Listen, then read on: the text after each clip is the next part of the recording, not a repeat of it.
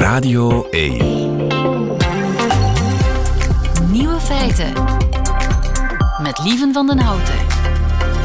Dag en welkom bij de podcast van uh, Nieuwe Feiten van 22 juni 2022. In het nieuws vandaag dat u dringend op zoek moet naar de rondslingerende rosse munten in uw huis. Op vraag van de Nationale Bank. Er is namelijk een groot tekort aan muntstukken van 5 en 10 cent.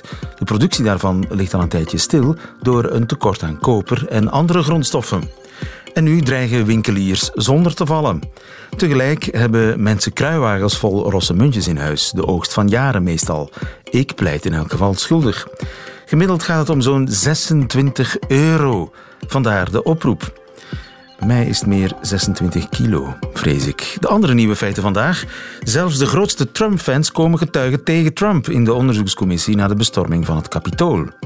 Poetin blijkt miljardair.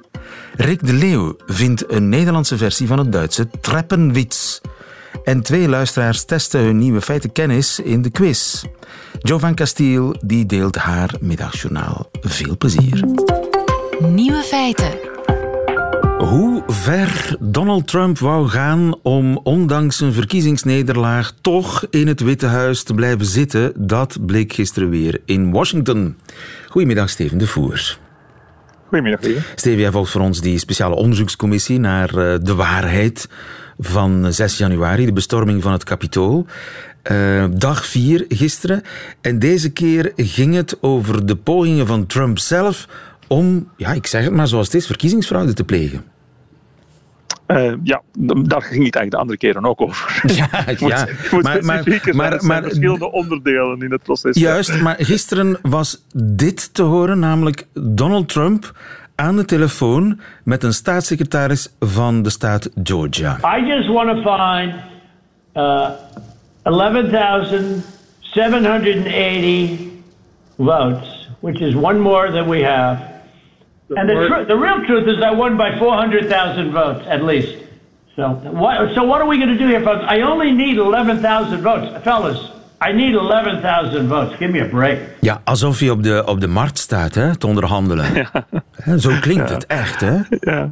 Ja, ik vind vooral um, dat, dat, dat van uh, fellas, I, uh, give me a break. Ja. Dat is nadat hij dus uh, de man bedreigd heeft. Dat, dat duurt een aantal minuten. Hè, dat heel zwaar dus die Secretary of State, de, de eindverantwoordelijke voor de, de, de, de beoordeling van de resultaten in Georgia, zo zwaar onder druk zet. En op het einde zegt hij dus, dus, dus fellas, I just need 11.000 votes, give me a break.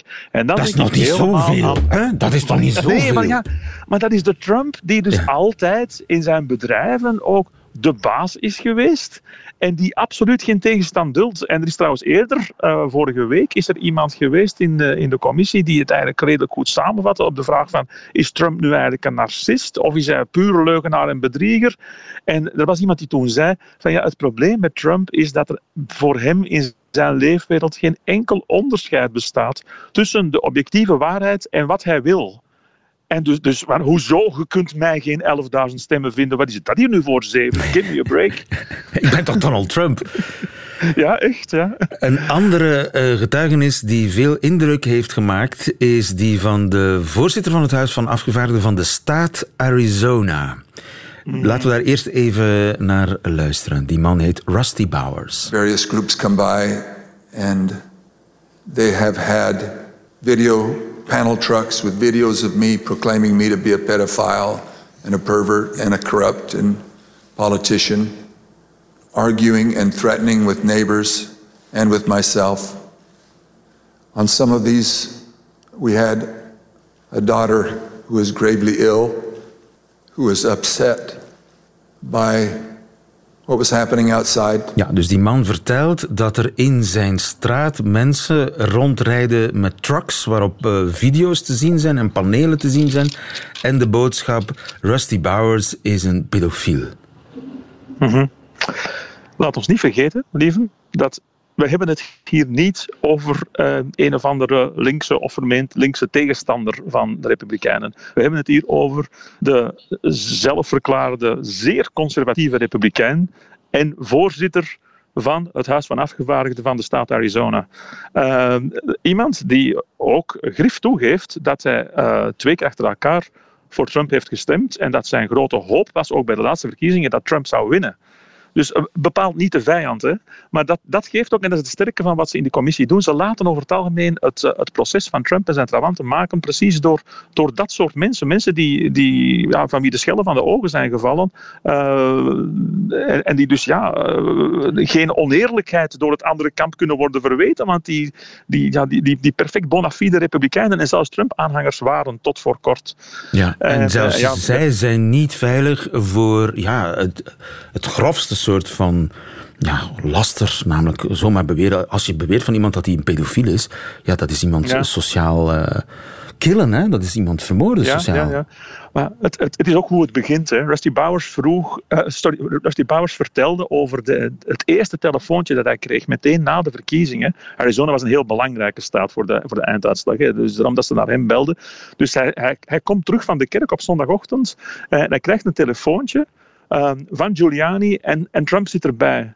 En Giuliani die dus meteen zegt van, ja, van, van ja, ja, maar we hebben eigenlijk maar twee dingen van, van, van u nodig hoor. Uh, ja, dat, uh, dat, dat, je, een conferentie belegt waar dan we dan kunnen duidelijk maken dat in Arizona is gestemd door, door 200.000 uh, illegale immigranten en gedetineerden die eigenlijk geen stemrecht zouden mogen hebben. En dat er 11.000 doden zijn die zijn gestemd. En, en Bauer zegt van, hoezo? Waar komt dat vandaan? Heb je daar bewijs van? Nee, dat had hij dan niet. En of dat, of dat hij dan ook kon ervoor zorgen dat de, de werkelijk aangeduide kiesmannen dat die, uh, dat, dat die zouden worden weggemoffeld en vervangen worden door een soort uh, alternatieve setje van, van nepkiesmannen. Waarop dat die man natuurlijk, die Bouwers, dat hij protesteert. Want die, uh, hij zei het ook, ik ben extreem gelovig. Voor mij is de grondwet iets gegeven door God. Ik kan dat toch niet doen? Maar, maar, maar Trump die zit erbij en gezamenlijk hebben ze zo echt iets tegen hem van, van ja, maar wat is het nu? Ben jij nu eigenlijk een republikein of ben je er nu geen? Jeetje. Met dus duidelijk de implicatie, als je een republikein bent, Giuliani letterlijk zei, aren't we all uh, Republicans here? Als je een republikein bent, dan, dan, dan, dan, speel je mee.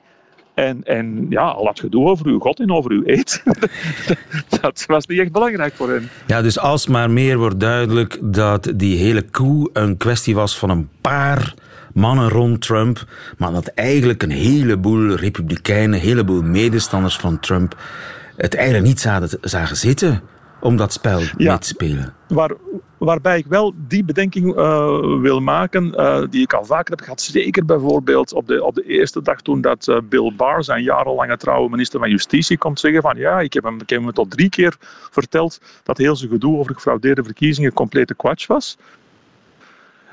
Maar ja, dan mag zo'n bar, en dat is belangrijk dat hij dat doet, oké, okay, maar dan mag hij dat nu komen vertellen, uh, hoe flink dat hij dat drie keer heeft gezegd tegen, tegen Trump. Maar dan denk ik ook ergens van, ja, maar en, en nu de held van het verhaal proberen te komen spelen, maar waarom deed je dat dan toen niet? Waarom ben je dan geen klokkenluider geworden? Ja.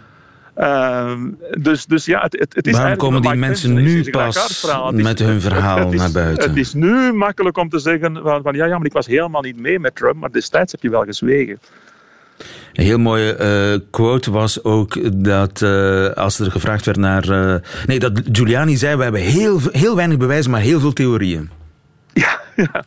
en dat was wel, wel, de moeite, omdat dat was dus op het moment dat Giuliani eerst had geëist aan, aan, aan die Rusty Bowers van beleg ons eens een officiële zitting van, van jouw congres daar in Arizona, dan kan ik het komen uitleggen. Waarop dat Bowers zei, ja, dat kan ik niet maken. Als je geen bewijzen hebt, dan is dat toch te gek. Ze liepen trouwens op dat moment liepen al de, de gewapende betogers rond het kapitool. Incluis trouwens Jacob Chansley, de fameuze QAnon-shamaan uh, uit uh, de bestorming van het kapitool. Dus die, dus die Bowers zei, is al gek genoeg, dat kan ik niet maken. Uh, toen heeft dus uh, Giuliani dat op eigen houtje gedaan in een, in een hotelkamer, uh, ja, hotelzaal, republikeins congresleden bijeengeroepen. En dan dus letterlijk gezegd van ja, ja, nee, maar we hebben een heleboel theorieën. we hebben de bewijs niet, maar we hebben wel heel veel theorieën. En op dat moment, dat, dat, moest Bowers gisteren, die was voortdurend erg aangeslagen. Uh, vecht tegen de tranen aan het vechten, maar toen moest hij toch even lachen. Toen zei hij van ja, toen mijn medewerkers en ik dat hoorden, van we hebben wel theorieën, maar we hebben geen bewijzen, dan moesten we wel even lachen. Maar ja, een paar minuten later was hij niet meer aan het lachen natuurlijk, toen hij, eh, toen hij vertelde over uh, ja, hoe, hoe, hoe hij voortdurend in zijn eigen straat wordt, ja. wordt bedreigd. En maar we weten natuurlijk niet in hoeverre, in hoeverre die bedreigingen door Giuliani of Trump of een van die mannen daar rond, uh, in die, die inner circle, of die bedreigingen georchestreerd zijn van daaruit. Dat kan natuurlijk ook spontaan zijn, nee? Nee, want dat, ja, ik ben niet naïef, maar, maar als je de, als je de, de totale uh, context van van ook dan de vorige zittingen bekijkt, dan, dan, dan is het wel zo dat met die uh, constante pogingen om het verkiezingsresultaat te, te ondermijnen, en ook voortdurend, daar hadden ze het gisteren ook over, de, de onwaarschijnlijke hoop geld dat er is gestopt in uh, uh, advertenties, tv-advertenties tegen die verkiezingen. Als je maandenlang een klimaat creëert waarin je letterlijk zegt via alle mogelijke kanalen uh, dat het een verkochte boel is, dat de democraten uh, dieven zijn en landverraders de verkiezingen naar hun hand zetten, ja, dan kun je niet zeggen op het moment dat er een, uh, een, een fysieke rebellie van komt door, door Proud Boys en erger, dat, dat dat niet jouw verantwoordelijkheid is. Ja. Hopelijk komt de volledige waarheid aan het licht daar op het kapitool. Dat is tenminste de bedoeling van die onderzoekscommissie. Steven de Voer, dankjewel. Goedemiddag. Graag gedaan. Terwijl in nieuwe feiten het ene woord na het andere wordt geboren. Zelfdenker vorige week voor atheïst, iemand die niet gelooft. Omdat dat een klein beetje negatief is. Zelfdenker is iets positiever. Eergenoot als alternatief voor het wat agressieve ex, ex-lief. En die geboortes die hebben we allemaal te danken ja, aan Rick de Leeuw. Het Rick de Leeuw gaat op zoek naar woorden die in onze taal helaas nog niet bestaan. Een goedemiddag, Rick de Leeuw. Goedemiddag, lieven. Rick, jij uh, blijft op zoek gaan naar uh, ontbreekwoorden. Krijg daarbij de steun en uh, toeverlaat van... de steun en wijsheid, moet ik eigenlijk zeggen, van Ruud Hendricks. Goedemiddag. Hey, dag lieven. Ruud, je bent hoofdredacteur van Van Dalen. Vorige week, jij helpt ons bij onze zoektocht en bent heel streng. Ja. Voor dank. Want ja. jij kiest vooral telkens, dat, vooral dat. Jij kiest telkens dat ene juiste ontbreekwoord uit de vele suggesties van Radio 1 luisteraars die binnen zijn gekomen vorige week, zocht jij, Rick, een nieuw woord voor het Engelse staircase wit of het Duitse trappenwits. L'esprit de l'escalier, is dat de Franse versie? Hm. Dat is de Franse versie, inderdaad. Uh, het gevoel dat je net na het aflopen van een discussie bedenkt wat je tijdens die discussie had moeten zeggen op de trap onderweg naar beneden, naar huis. Dan weet je het plotseling. Treppenwits. Ja, de Duitsers, de Engelsen en de Fransen hebben die uh, sensatie telkens op de trap. ja. Dat is toch zijn, bijzonder op zich? Maar, ja, maar wij zijn lager bij de grond, hè? wij Nederlanders en Vlamingen. Ik denk het, ja. ja. Er is heel wat binnengekomen. Peter Morren bijvoorbeeld, die heeft het over een doet er niet meer toeter. Een doet er niet meer toeter. Uh. zo klinkt die. Uh. Ja. Geen enthousiasme. Nee. Een schildpad, ja, het, het, zeg maar. Het is, het is natuurlijk wel... Het, uh, het, het, doet er niet meer toe. Het klopt wel. Het, het zit er wel in. Maar ik denk niet dat, het, dat het woord breed ingang, ingang gaat vinden. Nee, het zit hem in dat laatste element, die toeter. Hè? Dus dat, dat leidt je ineens helemaal af. Ja. Een nareka? Dat vind ik nog niet zo slecht. Na, Nareka in plaats van Eureka. Lucas eh, van Lessen suggereert dat. Ja, je, je weet intussen dat ik niet hou van die gefabriceerde dingen waar je eerst een half uur moet uitleggen wat het woord betekent. Ja. Dus, uh... Reek, wat vind jij van Nareka? Ja, ik, ik, vind, ik vind hem wel mooi. Ik bedoel, maar je ziet, in de, uh, je ziet Archimedes, die ruim 2000 jaar geleden zo naakt over straat rende. Ik heb het, ik heb het. En die, die, die, die naaktheid zit in dat woord. En je hebt, je hebt het, alleen het is te laat. Dus het is. Ik, vind het wel mooi. Het hele beeld bevalt me wel. En wat vind jij, Rick, van schildpadgedachte? Mooi, mooi. Ik vond het. Uh, uh, het grappig om te zien dat meerdere luisteraars het in de dierenwereld gezocht hebben. En de, ook Raf de Bruin die opeens dan op een vlinderpleidooi uitkomt. Wat ik ook eh, wel po- poëtisch vind. En die schildpad gedachte, ik snap het allemaal. Maar het, het- het- we laten het toch aan, aan Ruud om, om het definitieve oordeel te vellen. Ik ben, ik ben positief hierover. Ik vind ze, alle, ik vind ze, Ze allemaal... zijn, ja, eh, je, je bent een positivo, hè? Ja, en ik zie, ik zie ook weer een schildpad zo moeizaam een trap aflopen dan. Ja. Els Jacobs had de idee schildpad gedachte. Vlinderpleidooi Raf de Bruin suggereerde dat. Vlinderpleidooi. Jij zegt dat je hem begrijpt, Rick. Ik begrijp er niks van. Vlinderpleidooi.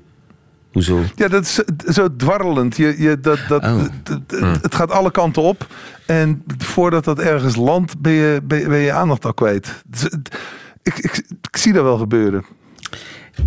Wat vinden jullie van Had ik Maartje? Dat is één van de twee woorden waar ik nog tussen twijfel. Zelfs op dit moment. Eddie Eerdekens suggereert een Had ik Maartje. Ja, en weet je waarom? Eh, omdat het ehm, past eh, in een rijtje. Ehm, we hebben een woord ook als een wist je datje. dat is een wetenswaardigheid. Dus, en, en, en je m'en foutisme, dat is dan wel eh, in het Frans, maar we hebben... We hebben zo van die woorden waar een zinnetje in zit. Dus, eh, en vandaar dat ik dat had ik maartje. Ehm, Maar ja, je- het kan ook zijn, had ik maar ja gezegd. Had ik maar ja, nee dat, gezegd. ja dat is, da- daarom is het ook... Had ik maar beter mijn best gedaan. Dat is ook een had ik kan, Maartje. hè? Ja. ja, maar de twijfel, zo- zo dat, de spijt zit erin. Zo van, oh, had ik dat maar gezegd.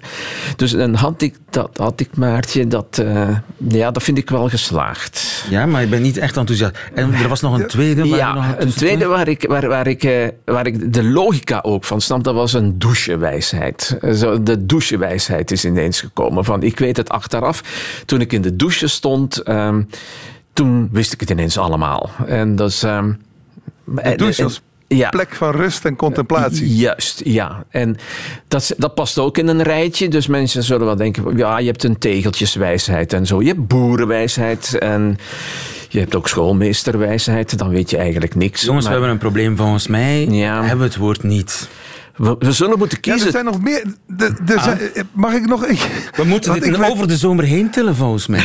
Ja, ja, want wat ik nog heel mooi vond was Nick Lucassen die graag het mosterd-argument Ja. opgenomen zag in de Nederlandse taal. ook, ja. Mosterd En die vind ik zo argument. mooi. Die is, dat is, eh, in Nederlands is dat de uitdrukking mosterd naar de maaltijd. Dat is wat hier eigenlijk vijgen naar Pasen is. Dus hier zou je eigenlijk het vijgenargument Vijgenargument. moeten gebruiken. Maar het mosterd-argument vind ik prachtig. Ja. Ja. Hebben we toch een ontbreekwoord deze week? Oh, oh, we, moeten, moeten we, we moeten toch echt wel kiezen, hè? Ja, waarom niet trappenwijsheid? Ja, maar dan zou ik nog misschien de suggestie willen eh, geven. Ik weet niet meer wie de. Ah ja, eh, eh, de zoldergedachte. Dat vond ik fascinerend, omdat bij mij, l'esprit d'escalier, al die mensen in die buitenlandse talen liepen in mijn hoofd altijd de trap af. Jongens, we, we moeten... Ja. En in zoldergedachte loopt hij, op- hij of zij opeens de trap op. En dat vond ik zo Ik- verrassend. ik- nieuw. ik- dank, dank in ieder geval Patrick van Gompel daarvoor. Ja, eh, je bent heerlijk enthousiast. Maar ik kijk naar de hoofdredacteur Ja. van Van Dalen. Vraag 1. Hebben we een woord? Wel, ik ga toch ja zeggen. Oké. 2. Welk woord? Het had ik Maartje. Het had ik Maartje. Ja. En het is beslist, het had ik Maartje komt, komt op de ontbreekwoordenlijst. Maar we hebben echt een bron aangeboord, heb Ja. ik het idee. Ja. Dus we gaan hiermee door, ook na de zomer. Mag ik jullie allen een fijne vakantie wensen. Dankjewel.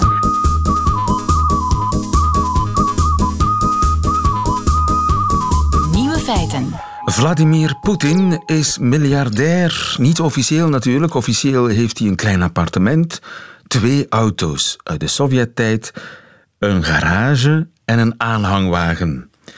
Maar Lars Bouvet die weet beter. Goedemiddag Lars. Goedemiddag. Je bent journalist bij De Tijd en je hebt meegewerkt aan een groot onderzoek om de eigendommen van Poetin in kaart te brengen. Zitten die goed verstopt, die eigendommen? Wel, de voorbije jaren zijn er verschillende van die eigendommen toch al aan hem gelinkt. En niet in het minst eentje vorig jaar, begin vorig jaar, door oppositieleider Navalny. Dat gaat zo over het duurste paleis ter wereld. Namelijk een, paleis op een klif aan de Zwarte Zee. eh, dat eh 18.000 vierkante meter groot is met een eigen casino. Noem maar op, alle, alle gekke dingen die je... Een eigen theater. eh, en ook heel veel wijngaarden eh, rondom. Eh, 200 hectare, las ik hectare, ergens. inderdaad. Het grote probleem is natuurlijk, na die uh, onthulling uh, heeft het Kremlin natuurlijk meteen ontkend dat dat nog maar eigendom zou zijn van Poetin. En is er een bevriende oligarch, een, een vroegere judo-vriend van Poetin, die beweerde dat hij de eigenaar was van het paleis, terwijl de gronden rond, dat die dan officieel nog een andere oligarch, uh, Timchenko, en ook nog van andere mensen uit de entourage van Poetin. En zo wordt het eigenlijk heel moeilijk gemaakt om al die eigendommen, maar we spreken ook over luxe jachten, privévliegtuigen, tal van villa's, om die echt te kunnen toedichten aan Poetin en zo zijn fortuin in kaart te brengen. Want we vermoeden natuurlijk dat daar ook ja, een soort van corruptiesysteem achter schuil gaat. Ja, vandaar dat grootscheepse onderzoek van een, een NGO die zich met anticorruptie bezighoudt van een Russische nieuwssite. Ik kan me voorstellen dat het heel moeilijk is om hard te maken dat dat jacht uh, die wijngaard, uh, die villa eigenlijk van Poetin is. Kun je dat eigenlijk bewijzen? Wel, het onderzoek dat wij hebben gedaan is namelijk uh, gebaseerd op bepaalde sprokkeltjes van bewijzen die de afgelopen jaren, zo sinds 2017, al zijn opgedoken. Wat stellen we vast eigenlijk? Dat zowat alle uh, eigendommen die de voorbije jaren door onafhankelijke journalisten zijn toegedicht aan Poetin, dat die hetzelfde uh, e-mailadres gebruiken. Dus de mensen die officieel uh, worden aangegeven als directeur, blijken dezelfde mailadres-domeinnaam te gebruiken, llcinvest.ru. En we hebben namelijk gegevens in handen gekregen van het IT-bedrijf achter die domeinnaam, die die domeinnaam host voor die verschillende bedrijven. En dan duikt er iets heel interessants op.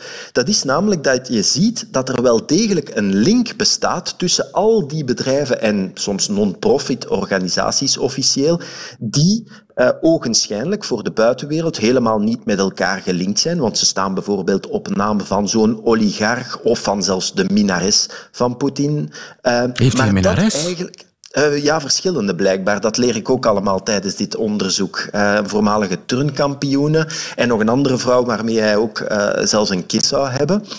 Dus het is eigenlijk ja, zijn hele entourage die wel achter die bedrijven schuilgaat en, en bevriende oligarchen. Maar dankzij die gelekte gegevens van dat IT-bedrijf zien we dat er ook een communicatie plaatsvindt tussen die verschillende bedrijven.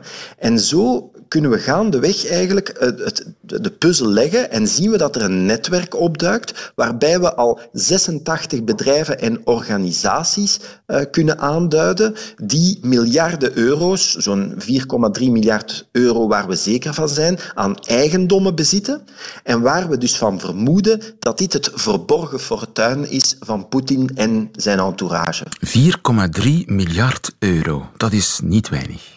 Dat is niet weinig en toch denken we dat het zelfs ja, misschien het topje van de ijsberg of toch niet alles is uh, wat zijn fortuin uitmaakt. Waarom?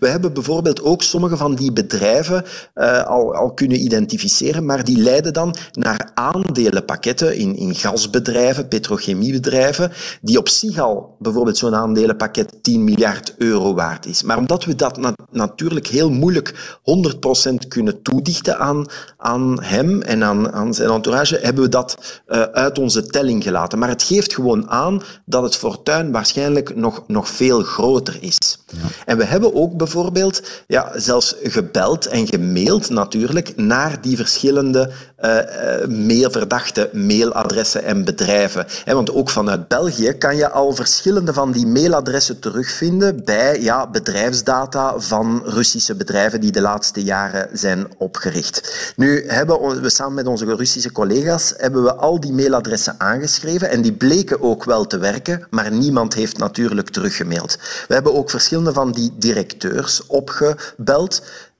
Bijna niemand heeft geantwoord, één man wel. En die man gaf eigenlijk toe dat hij een stroomman was. Die zei zelf van ja, je weet hoe dat soms daklozen gewoon worden ingeschakeld door een frauduleus bedrijf om documenten voor dat bedrijf te ondertekenen, zodat het spoor doodloopt. Wel, ik ben niet dakloos, maar ik eh, fungeer ook gewoon zomaar als een stroomman. En dan zie je dat er zo'n hele schermstructuur opduikt, waarbij dat sommige van die bedrijven, bijvoorbeeld eentje, officieel een mosselkwekerij is, maar nog geen enkele mossel heeft verkocht. En een ander biedt dan weer ja, privévliegtuigdiensten aan over de hele wereld, officieel dan toch. Maar wanneer we die contacteerden, bleek die helemaal niet happig om wat dan ook aan ons te verkopen. dan blijkt het vooral eigenlijk te gaan om privévliegtuigen die in eigen gebruik zijn van dat bedrijf en die worden benut door een krantje van prominenten die, die uh, bescherming krijgen van de Russische Veiligheidsdienst. Dit doet denken aan de ergste misdaadorganisatie. Wel, het is in elk geval uh, vreemd, een vreemd systeem. En misschien schept het uh, duidelijkheid als we zien dat tien jaar geleden zowat was er een Russische zakenman die zelf in ballingschap is gegaan en die onthullingen deed over een corruptiesysteem dat hij zelf had helpen opzetten voor Poetin en zijn entourage. En waarbij toen al sprake was van de bouw van een paleis aan de Zwarte Zee. Maar toen ging het om een investeringsfonds waar geld dan werd afgeleid van oligarchen ten voordele van Poetin. En waarbij dat zelfs bijvoorbeeld geld dat bestemd was voor apparatuur in, in Ziekenhuizen naar een welbepaald bedrijf uh, zou zijn afgeleid. Nu, het probleem met zo één fonds of één bedrijf is natuurlijk dat je zo'n klokkenluider kan hebben die dan ineens alles naar buiten brengt. En nu zie je eigenlijk met dit netwerk ja, je een veel diffuser beeld hebt en het veel moeilijker is om zo ja, één vinger te leggen op uh, waar de corruptie uh, zit. Ja, uh, 4,3 miljard euro is maar het topje van de ijsberg, terwijl de klokkenluider heel goed getimed was. Lars Bové, dankjewel. Goedemiddag. Goedemiddag. Nieuwe feiten. Woensdag quiz. Ja, een lichte siddering gaat door de radio, want we spelen de meedogenloze woensdagquiz. Goedemiddag, Gilles Wijkmans. Goedemiddag. Samensteller en jury van deze quiz. We spelen voor een boekenbon van 25 euro om te wisselen bij een onafhankelijke boekhandelaar. Aangesloten bij Confituur. Een van de kandidaten is Josephine. Goedemiddag, Josephine. Goedemiddag, lieven. Josephine uit, Josephine uit Gent. Wat was je aan het doen? Ik was een lunch aan het voorbereiden. Alles laten vallen voor de quiz. Wat was je aan het voorbereiden? Een uh, frisse salade met uh, watermeloen, feta, olijfjes. Oh, la, la, la, la, watermeloen, olijfjes. Dat is een gesofisticeerde salade, Josephine. Je speelt... Ben je trots op mij? Ik ben heel trots op jou. Tijl Belen uit Grimbergen, goedemiddag. Goedemiddag. Ik ben sowieso trots op jou, maar wat was je aan het doen? Ik zit uh, nu in de auto onderweg naar mijn boeken en vaken. Ach, nu ben ik dubbel trots op jou. Want uh, je, je, gaat daar, je gaat daar eten bij mama en papa? Nee, het zijn mijn uh, oma en opa. Oma en opa, kom... nog beter. Ja, ik kom. Ik zit nog op school en ik ga daar elke woensdag naartoe. Ach, die gaan zo blij zijn om jou te zien, Tijl. We gaan, Ja, eh, bliksem, uh, we gaan bliksemsnel spelen. Ik ga jullie uh, kennis testen van vier nieuwe feiten. Ik begin bij Josephine, die zich eerst heeft gemeld. En zolang Josephine juist antwoord blijft aan de beurt bij een fout antwoord, gaat de beurt naar Tijl. En wie het laatste goede nieuwe feit kent, het laatste nieuwe feit goed kent, die wint deze quiz. Wat is vanaf nu legaal in sommige delen van Japan? A. Josephine. Praten op een bus. B. Lachen op je rijbewijsfoto. C. Een vork gebruiken voor zeevruchten. Wow. Um, gokje C. C. Fout gokje. Tijl, wat mag in Japan vanaf nu? Ik ga voor B. Lachen op je rijbewijsfoto. goed. Was het een gok?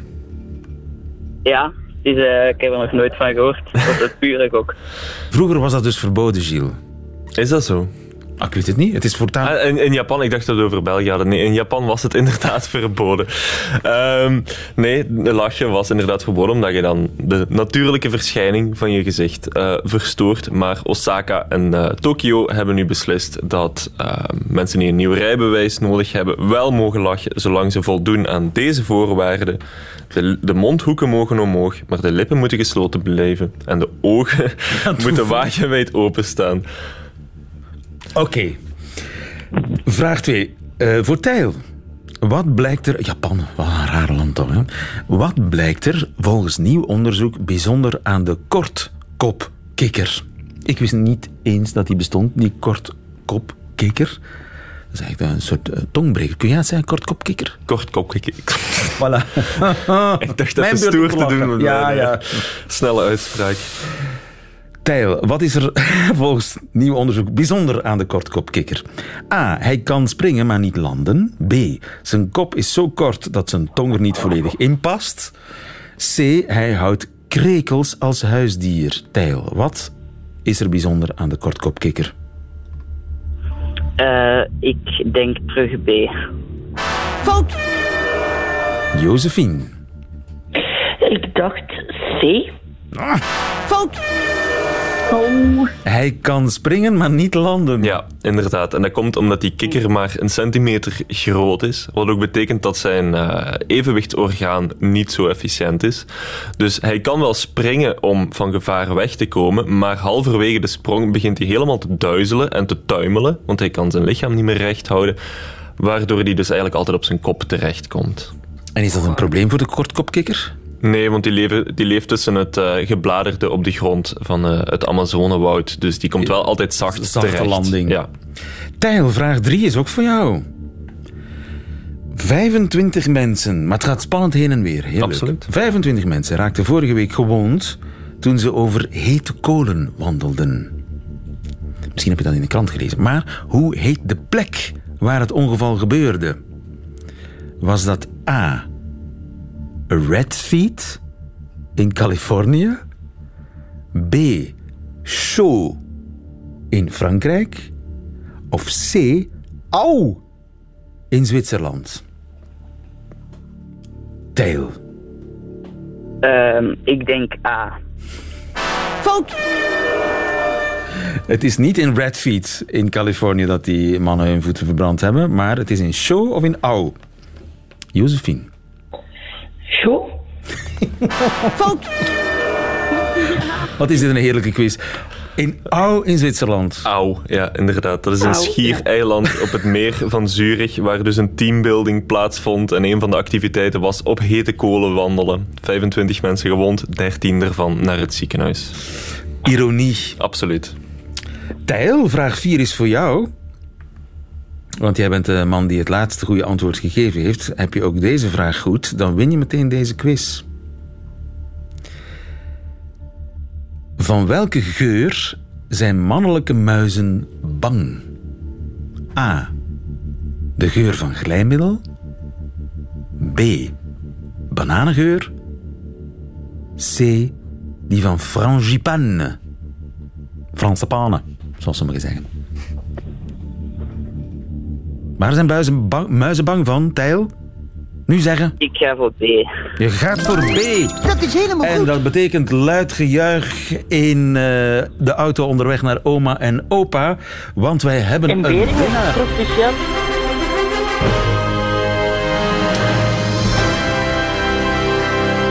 Tijl, het was inderdaad B. Bananen. Ja, inderdaad. Het is toevallig ontdekt door, eh, ontdekt door die onderzoekers. Ze zagen dat wanneer ze mannelijke muizen bij zwangere vrouwtjes deden, die mannelijke muizen heel gestresseerd werden. En dan ontdekten ze dat bij vrouwelijke zwangere muizen een stof afscheiden die naar bananen riekt. En het is eigenlijk een waarschuwingssignaal, want wat mannelijke muizen soms durven te doen, is de jongen van de vrouwtjes doden, om dan opnieuw met die vrouwtjes te kunnen paren en voor eigen nageslacht te zorgen. Dus door dat stofje af te scheiden, zeggen die moeders in spe eigenlijk, blijf van mijn jong. Mannen, mannelijke muizen zijn bang van bananengeur. Dat is eh, iets wat altijd handig is om te weten. Josephine, helaas, het blijft bij het slaatje, maar het zal toch smaken, hè, dat slaatje. Zeker wel. Geen probleem. En proficiat aan Tijlen. Proficiat aan Tijl Belen, Dank die deze eh, woensdagquiz wint en naar huis gaat met eh, een boekenbon van 25 euro. En dus zijn we driedubbel trots op Tijl Belen, die onderweg is naar opa en oma. En daar ook straks de afwas zal doen, hè? Dat, dat, dat weet ik, Tijl, dat je dat zal doen. Wow, misschien, daar hangt er nog vanaf. Daar moet Tijl nog eens heel diep over nadenken. Weet je al welk boek je gaat eh, kopen, Tijl, voor je 25 euro? Wow, ik lees niet veel boeken, dus ik denk dat ik voor strips of zo ga gaan. Want Je, je daalt alsmaar meer in mijn achting, Tijl. Nu nog maar dubbel trots op jou terug. Dubbel trots. Een strip, maar natuurlijk, strips kopen is ook goed. Tijlbelen, dankjewel. En de woensdagquiz die komt natuurlijk terug in september.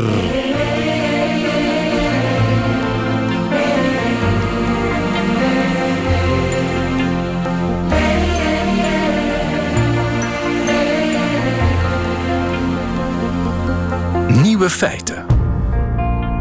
En dat waren ze meteen, de nieuwe feiten van 22 juni 2022.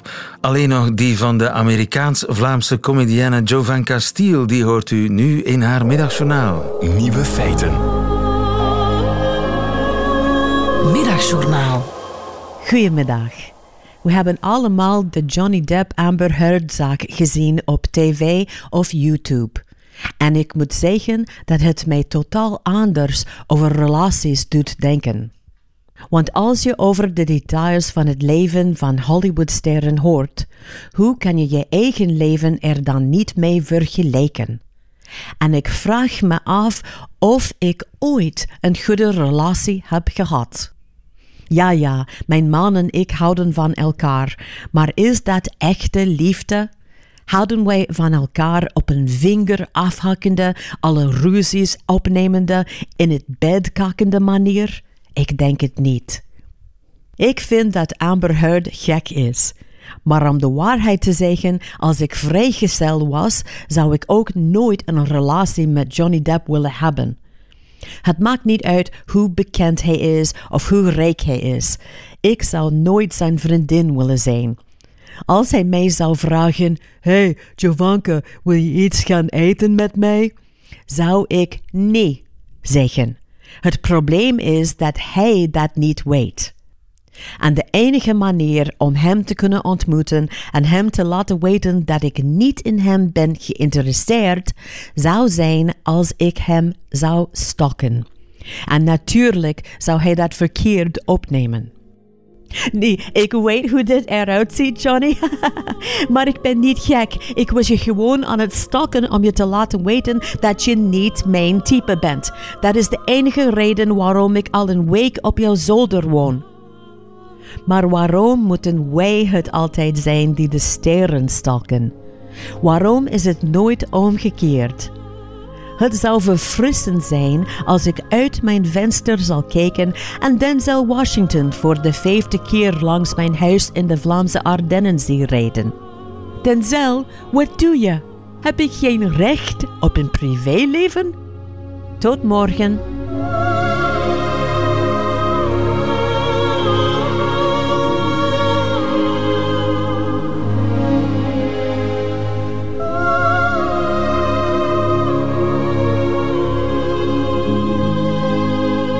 Middagjournaal van Jovan Castiel. Einde van deze Nieuwe Feiten podcast. Hoort u liever de volledige uitzending?